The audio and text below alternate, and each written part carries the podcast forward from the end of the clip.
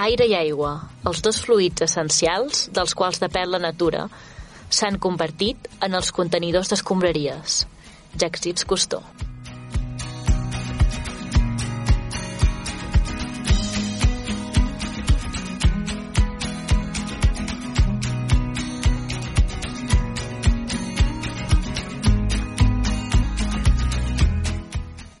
Bona tarda. Ens plau donar-vos la benvinguda al vuitè programa de la tercera temporada de l'Hora del Ter. La Laura Generó, Antònia Rúbia i una servidora, Ginés Tamari, us acompanyarem durant mitja hora. De fet, la Laura avui no ens acompanya, ens ha ajudat a preparar els materials. Bon vespre, Toni, com estàs? Bon vespre, Ginesta. Doncs aquí, a punt d'encetar aquest nou programa, aviam què expliquem avui. Perfecte, doncs comencem ja.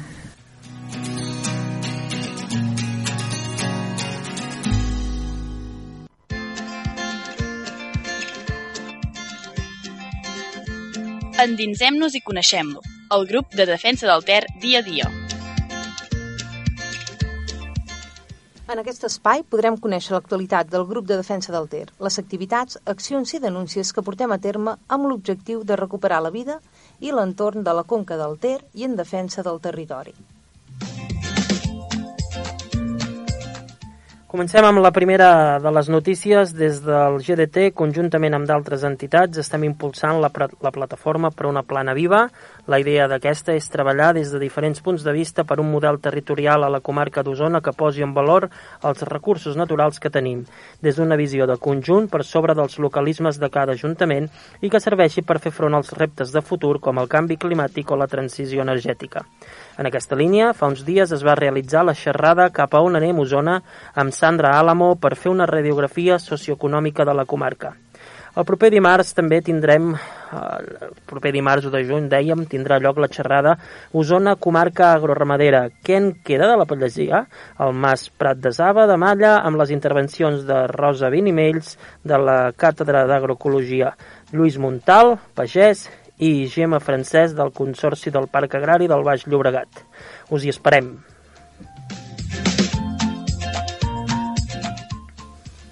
Fa uns dies, com cada any, vam presentar els resultats de contaminació per nitrats de les fonts d'Osona i el Lluçanès. Gairebé la meitat de les fonts mostrejades estan contaminades, concretament un 44%, amb una mitjana de nitrats de 66 mg per litre, lleugerament per sota de la mitjana de l'any passat, però igualment superior al llindar de contaminació fixat per l'OMS, que és de 50 mg litre. Pel que fa a les fonts més contaminades, tenim un nou rècord. A la font de Guellissans, a Santa Cecília de Voltregà, arriba als 514,6 mg litre de nitrats, més de 10 vegades el llindar de contaminació. Al top 3 també hi ha la font del Casanell de Taradell amb 308,2 i la font salada de Gurb amb 273,8 mg litre. Aquest any s'han ampliat les zones declarades vulnerables per nitrats a tres municipis més de la comarca, Centelles, Sant Martí de Centelles i Vilanova de Sau. A Osona i al Lluçanès ja hi ha 40 municipis declarats com a vulnerables d'un total de 50. Els anys passen, l'enorme cabana porcina segueix inundant els aqüífers apurins i, mentrestant, l'administració va proposant solucions màgico-tecnològiques que no serveixen per res. Vaja, sí, serveixen per empitjorar el problema.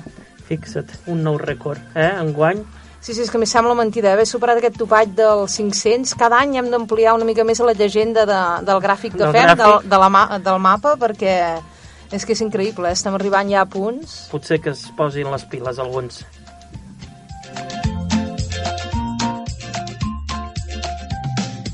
I acabem aquesta secció amb una última notícia. Aquest divendres 28 de maig a les 7 de la tarda al Museu del Ter de Manlleu es farà la taula rodona Motius per a la gestió pública de l'aigua organitzada per Aigua Pública de Manlleu, APM, amb la participació de Maria Planell, gerent d'Onaigua, empresa pública d'aigua del Consell Comarcal d'Osona, Josep Sánchez, alcalde d'Arenys de Munt, de les primeres remunicipalitzacions a Catalunya i actualment amb un contenciós interposat per Sorea, Míriam Planes, membre d'Aigües Vida, que parlarà de la gestió pública de l'aigua a Catalunya, la funció dels observatoris integrals de l'aigua que s'estan creant i la tarificació social del servei, i Sergi Solà, membre del grup de defensa del Ter i Aigua Pública Manlleu, que farà una explicació de la situació actual sobre la gestió de l'aigua a Manlleu i aquest repte que tenim per aconseguir passar a mans públiques allò que és de tothom, l'aigua.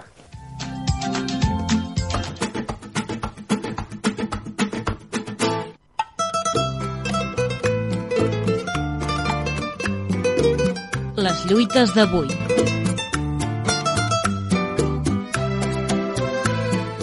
Aquest espai entrevistarem a persones que formen part de Lluita Sant Actiu. Avui tenim amb nosaltres en Carles Alonso, de Remei i Reviu. Hola, Carles, què tal? Hola, què tal? Com aneu? Bon vespre, Carles. Doncs aquí eh, amb ganes d'escoltar la vostra lluita i per això doncs eh, content de que ens acompanyeu una estoneta. Eh, el ple és mutu. Aquí estem, al peu del canó, escoltant. M'he d'apartar perquè estem aquí amb la poesia, amb els actes d'aquesta reivindicació de la plaça, que suposo que, com sabreu, aquesta setmana han començat a fer-nos fora. Abans de continuar, per a fer un aclariment als nostres oients, direm que aquest programa està gravat el 20 de maig i, per tant, eh, la conversa que tindrem fa referència fins avui 20 de maig. Ho dic, Carles, perquè el programa s'emetrà la setmana vinent i, per tant, és possible que la setmana vinent estiguem, hagin passat moltes coses i, per tant, era per orientar també a les persones que ens escolten. Sí, perquè veient com està anant el tema, segur que la situació ha canviat molt, no?, de, aquí a la, a la plaça. Bueno, jo comento que això serà jazz perquè serà improvisant. Vam llavors uns trucant-nos uns als altres, amb molta policia aquí i movent el mobiliari i, bueno, cada dia fent guàrdia i veient el que passa. Situem una mica els oients. Quin seria l'inici de la reivindicació de la lluita? De què estaríem Exacte. parlant? Remei Reviu neix el gener del 2020, quan ens assabentem que la concessió pública que teníem aquí, perquè això són uns terrenys privats, als quals es va fer una concessió pública per poder aprofitar l'espai, eh, s'iniciaven el procés d'expropiació i tots els tràmits per l'edificació de dos blocs d'edificis que ens deixaran la plaça que ara tenim actualment amb el 25% de l'espai. I arrel d'aquí els veïns ens organitzem. Uh -huh. Una mica la reivindicació, per tant, passa per eh, evitar de posar més densitat de totxo a l'espai públic, entenent que la quantitat de gent que viu al Remei ja és molt alta i que, per tant, espais per a trobar-se i esvergir-se no és que siguin necessaris, que són imprescindibles. Exacte. En un espai on els metres quadrats de formigó no ens en fan falta més, sinó total el contrari, que ens fan falta espais verds on la gent pugui sortir, relacionar-se.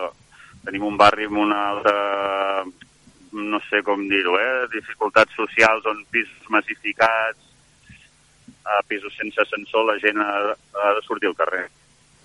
De fet, deu ser dels barris de Vic on, on viu més gent, no? Així, per metre quadrat, diguem. Sí, si no tinc mal entès, som 8.000 persones, t'enganyaria amb els metres quadrats. Per suposar, les 8.000 persones són persones oficials, aquí podríem parlar de molts més. Ens comparen amb barris com Sal o l'Hospitalet. Imagina't.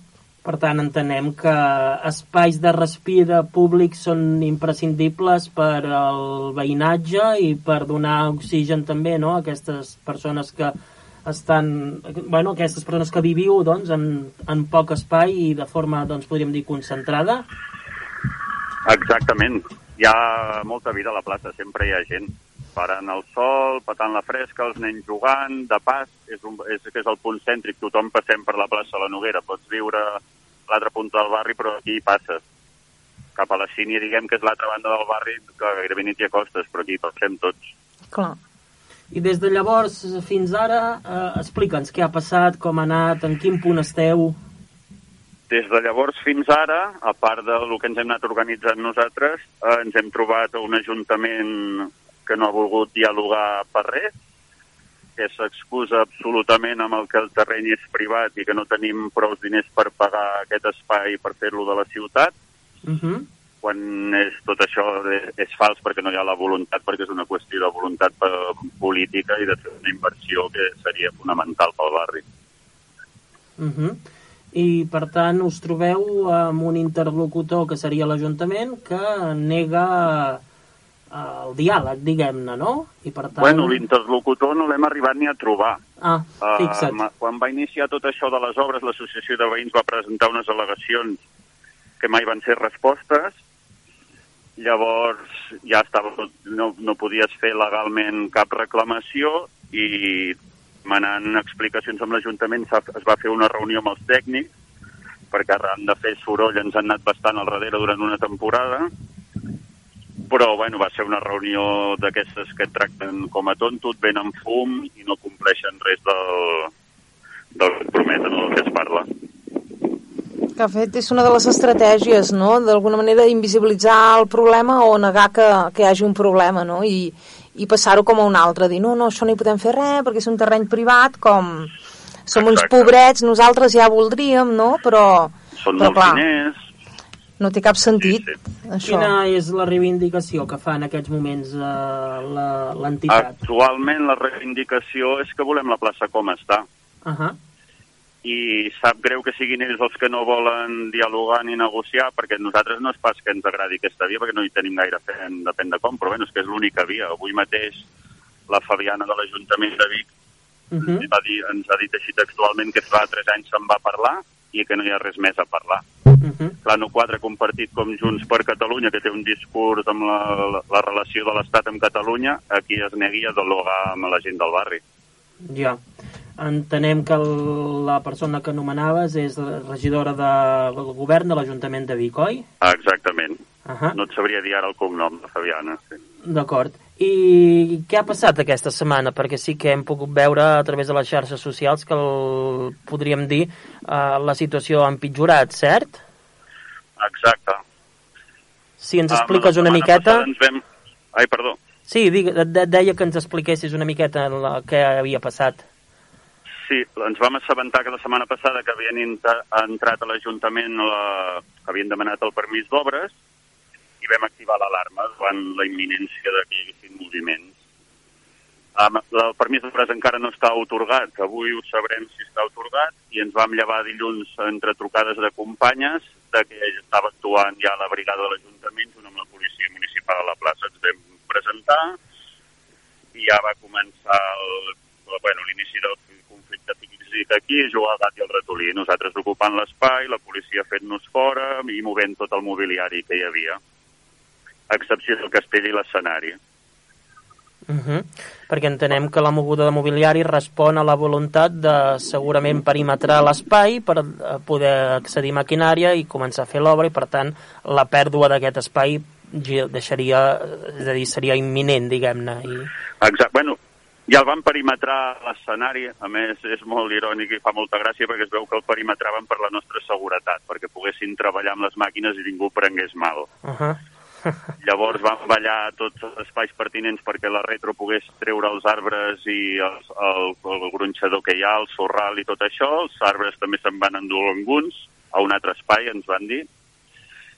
I així va quedar el dilluns. Es va engegar el foc, a la tarda ja es van començar a fer activitats i a mantenir-nos a les 7 del matí fins a les 10 del vespre aquí a la plaça fent activitats i dimarts va ser el dia que més gresca hi va haver, perquè la nostra estratègia era defensar el castell infantil.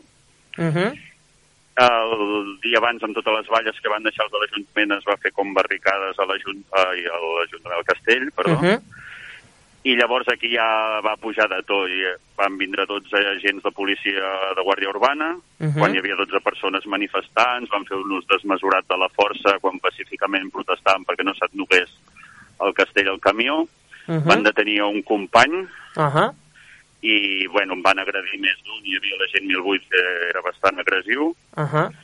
i el company, per sort, gràcies a l'associació de veïns que va intercedir amb els de l'Ajuntament i alguns fils que van moure els de Capgirem, el van deixar anar a les 6 de la tarda amb càrrecs de resistència i agressió greu a l'autoritat. Vaja, així tindríem que, que sí, que malauradament el, la reivindicació justa que feu per a un remei viu doncs ha pujat de to i, ha, i han utilitzat la força tant física com legal no, que tenen. Uh, se'ns acaba el temps, uh, però uh, no sé si encara si vols dir alguna cosa, ti, encara tens 30 segons, Carles, per poder, si vols esmentar alguna cosa. Agrair-vos molt que ens doneu l'oportunitat de, d'escoltar-nos a, a la vostra ràdio i aquí estarem a la plaça de la Noguera del Remei. Doncs eh, ja ho sabem, avui eh, parlem de, de, de lluites eh, socials que tenen molt a veure amb les ambientals i, per tant, suport també a la gent de, que està reivindicant la plaça de la Noguera i ànims i ens hi trobem segur per, per defensar aquests espais tan necessaris. Gràcies per atendre'ns. Gràcies a vosaltres. Salut. Molta força, Carles. Gràcies.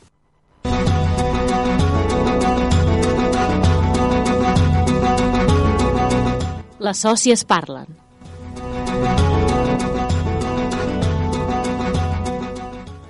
Doncs bé, continuem el programa avui doncs, amb una sòcia, Rosa Recio, que juntament amb el seu company són les dues sòcies de l'entitat. Bon vespre, Rosa, com estàs? Bon vespre, doncs, eh, molt bé. La veritat és que molt content per poder parlar de GDT. Molt bé, en primer lloc, doncs, agrair-te aquests minutets que estarem junts i anem per feina perquè tenim el temps al límit d'ot. Escolta'm, a vosaltres, eh, tant el teu company com tu mateixa, sou sòcies de l'entitat. Des de quan sou socis? Pues, més o menys des de, més de 15 anys. I que, 15 anys. des de 15. 15 anys, comentes? Sí, sí, sí. Per 15 tant, anys. Déu nhi ja, ja fa un temps, eh, són aquells, aquelles persones sòcies que, que estan fidelitzades, diguem-ne, i, i que fan molta falta, per sort, eh, sort en tenim. Mira, què és el que us va motivar, o per què vau fer el pas a fer-vos socis de l'entitat? Què és allò que us va esperonar a dir, vinga, doncs jo em faig soci? Eh, jo crec que molts temes de la comarca de Xona, però pràcticament el fundamental és el tema dels el tema de la contaminació de les aigües, de les fonts, de les rieres. Uh -huh. Eh, nosaltres, eh, quan van anar a l'Illa de l'Esquirol, per l'89, eh, anàvem a agafar aigua a la font i, i llavors ens vam adonar que, que estava contaminada, que n'hi havia 22, 22 fonts contaminades al poble. Eh, tot això doncs, eh, desperta certes inquietuds, no? la veritat, en aquest. Clar, una mica al veure la problemàtica ambiental que hi havia i que malauradament eh, difícilment les administracions la resolien, doncs eh, vau decidir doncs, fer suport a, a l'entitat. I a part de la col·laboració com a sòcies que és eh, indispensable, i participeu activament en alguna comissió o en alguna de les activitats que el GDT hi fa? Eh, bueno, participem només en... Bueno, a veure, en el vídeo el meu company participar en, en el tema del fracking, doncs eh, anava de l'Eudal amb el nostre company, dels instituts, a fer xerrades, a sensibilitzar la gent jove en el tema del fracking. Eh, no sé si el coneixen aquest tema. Uh Uh -huh. Doncs eh, sí, el tema de l'extracció de hidrocarburs i petroli a qualsevol lloc que no siguin examinats, no sé, que estan fugant, investigant fins que troben eh, petroli i bustos, una mena de, de líquid que pot matar tot. Ja, Doncs, bueno, amb aquest, amb aquest tema sí que va estar fent doncs, als centres i treballant-ho molt, però jo en general, dos el que més hem fet és anar a les assemblees, anar a una presentació de resultats de la contaminació. Llavors, a mi em va interessar molt tot el tema de la denúncia tan patent, i vaig estar mirant a l'escriure a veure com, com la gent que pensava, intentant sensibilitzar la gent, i mirar l'Ajuntament, exactament com estava implicat l'Ajuntament en tot això uh -huh. era la denuncia de, de, de, del Per lo del tema de la Riera, de Sant Martí, Uh -huh. eh, de de província de la Patel. Doncs ja et dic que hem anat fent coses per dir caminades, eh, el tema de la remunicipalització de l'aigua, Uh -huh. que pot fer de pues, pública a Ruda, eh, quan es va acabar el projecte de Sorea, Uh -huh. i, i llavors es va fer com un performance a Ruda, Vaja, veig que, que, no, que, que tant el company com a, com a tu mateixa eh, us motiven totes aquestes lluites ambientals que d'altra banda indispensables. I ja quasi perquè el temps ens va esgotant, eh, sí. creus que entitats com el GDT són necessàries, que són útils, que tenen importància, sobretot en una comarca com, com la d'Osona? A veure, jo crec que va ser molt important el tema de la Pusmaró, que va aconseguir que, aconseguir que no s'aboquessin eh, residus industrials a Riuter, que cada dia estava molt brut, Uh -huh. però trobo que el tema dels purins i de les fonts eh, costa molt de, que es veure, de veure resultats perquè cultiu s'està duplicant, és sempre més gran, cada vegada n'hi ha més hi ha molta concentració de ramaderia. Eh? Ja. I, llavors, eh, jo veig que està molt bé estar en un grup com aquest perquè es poden compartir inquietuds, perquè tu pots manifestar col·lectivament, perquè pots fer denúncies, interaccions, Uh -huh. però per una altra banda mm, trobo que és lent, no sé, no sé si m'explico bé. Sí, i tant, i tant, oh, i tant, oh, i tant. Doncs, Sí. Rosa, mira, des del GDT, gràcies a la col·laboració de totes les sòcies com vosaltres, doncs anirem fent feina i, com sempre, animem a que continueu donant suport i a participar en tot allò que us vingui de gust. Moltes gràcies per atendre la, gràcies, la nostra trucada i, i ens veiem aviat. A reveure. Gràcies, Rosa. Adéu. Preguntes, dubtes i reflexions. Traiem-ne l'aigua clara. En aquest espai intentem donar resposta a preguntes a les persones oients. Podeu fer-les arribar a través de les xarxes socials posant el hashtag l'hora del Ter o a través del correu gdter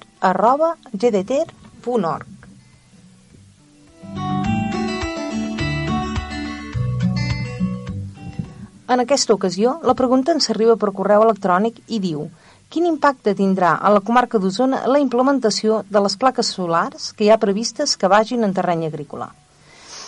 És evident que per fer front a l'emergència climàtica cal una transició energètica ràpida, que és de fet un dels problemes amb els que ens estem trobant ara mateix.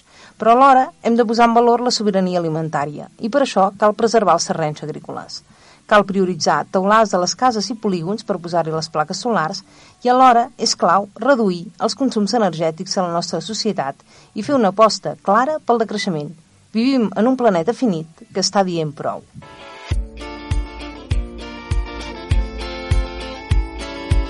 Obrim l'aixeta de l'ecologisme. De xifra en xifra s'omple la pica. Bé, doncs, arribem a la secció de xifra en xifra s'omple la pica i avui la xifra és 16. 16, 16 jutges eren els que penjaven d'un d'on penjaven. Bé, no ens hi fiquem amb aquests merders. 16 és el benefici que Akbar Aigües Barcelona treu de la gestió de l'aigua, és a dir, el benefici que té l'empresa per fer arribar l'aigua a les nostres deixetes. L'aigua, un bé públic, un bé essencial, quelcom comú per a tota la gent, la qual ja sé que s'ha de poder arribar fer arribar a les cases, però la qual es gestiona amb un 16% de benefici. Per tant, ja s'ho poden imaginar. Això per quantitat de persones que utilitzen l'aigua com a quelcom necessari i imprescindible multiplicat per al cost que té, doncs beneficis multimilionaris. D'aquí la importància d'algunes de les coses que avui hem parlat, com és la gestió pública de l'aigua i aquesta oportunitat que Manlleu té per gestionar de forma pública i de forma col·lectiva el nostre bé més preuat, l'aigua. De fet, acabem el programa d'avui amb una cançó que també fa referència a aquest tema, que es diu Due parte di idrògeno per una di oxígeno, perdoneu-me italià, del disc Mercanti di Liquore, que parla de la privatització de l'aigua. Ens acomiadem doncs, amb aquesta cançó tan adequada pel programa d'avui. Fins a la propera, que ja... De fet, el proper programa ja serà l'últim de la temporada. Per sort aquest any l'hem pogut fer tota i per tant ens acomiadarem per tot lo alto. Fins a la propera. Fins a la propera. per chi non sa nuotare. Portemi sulla riva, Putei. Sul confine dove l'acqua tocca la terra, dove l'asciutto diventa bagnato. Domani qua metteranno il cartello privato. Ma di chi è l'acqua? Perché non riesco a non pensare che questa non sia roba da vendere e comprare. Intuisco che è così, ma perché? Non può esserlo. Bloom! Dammi una buona ragione. E lui? Per la sua uguaglianza universale per l'indipendenza di ogni particella dalle altre, solo due parti di idrogeno per una di ossigeno, per la libertà del suo stato liquido, solido, gassoso nel ciclo della pioggia e nelle correnti, per la variabilità da quiete a tempesta, per la consapevolezza della sua massa gigantesca, 3 a 1, 3 a 1 fisso sulle terre emerse, nani, per la grandezza di ogni orizzonte marino che diventa oceano, per il suo essere linea, confine, finis, terre, che disegna il mondo conosciuto per i pesci, i mammiferi marini, la capacità di sciogliere i sali, trattenere lo zucchero, la stanchezza umana e i rifiuti organici. Per la sua spinta dal basso verso l'alto uguale alla massa del liquido spostato. Per la commovente resistenza dei ghiacciai ai mutamenti climatici per niente scontati. Per la pazienza dei bagnasciuga Ferragosto per la dignità di memoria del nome dei fiumi avvelenati e seccati in modo per niente scontato o mal calcolato, per la capacità di azione e reazione dei geyser, maremoti, tempeste, tsunami, maelstrom, eltemi, piene, alluvioni, per il mistero delle sorgenti prosciugate da grandi opere per niente scontate o mal calcolate, per l'umidità dell'aria, per la neve alla rugiada, le nevi e la grandine, per la capacità di, di lavare, togliere la sete, di spegnere il fuoco, nutrire le piante, per essere risorsa, diritto, elemento fondante come aria e, e come l'aria Bloom di difficile conversione in merce, infatti che prezzo si può dare al vapore, alla nebbia, alla nube, alla pioggia, al nevischio, alla grandine Bloom? La grandine nel bilancio idrico dei potenti sarà un costo o un ricavo? Il suo essere bene indiviso nei secoli d'antiche civiltà che fermavano la proprietà sulle rive dei fiumi non l'ha salvata Bloom dall'essere diventata merce nell'ultima frontiera, il West, dove per la prima volta nella storia chi arrivava alla terra diventava anche padrone dell'acqua purché avesse un fucile per difenderla. I nativi d'America erano esclusi dalla gara perché partendo in loco erano troppo avvantaggiati. Così nasce la possibilità di venderla e comprarla. È un'idea che fa proseliti. Bloom! Per bere! Dovremo stappare! Lo! Acqua da imbrigliare, arginare, deviare, sbarrare, intubare. Ah! Rivederci gli iceberg! Prelevata alla fonte in rivoli invisibili che mettono i fiumi nell'imbarazzo di non riconoscere mai la foce, la foce, la foce, ma quale delta o estuario blu? E il prezzo difficile non pensare alle conseguenze di svalutazione dell'intera razza umana. Vero Bloom, dal momento che essa rappresenta il 90% di ogni corpo umano. Dunque, che prezzo dare alla vita? Che valore? Più o meno, pagandola bene, sei bottiglie di acqua minerale. Non è male, conviene. E la scadenza? Se è merce, avrà una scadenza. Che faremo allora degli stagni pestilenziali delle lagune museo, delle pozzanghere inclinate, ma soprattutto Bloom dell'acqua dei vasi da fiori è andata male, eh? Nel bilancio idrico contabile del pianeta, l'acqua dei vasi da fiore è andata male, dove la mettiamo? A costo a ricavo? Ma dove siamo? Sulla luna? Nei mari della luna i tuffi non si fanno, non c'è una goccia d'acqua, i pesci non ci stanno, che magnifico mare che magnifico mare. Nei mari della luna i tuffi si fanno, non c'è una goccia d'acqua, i pesci non ci stanno, che magnifico mare. Per chi non sa nuotare.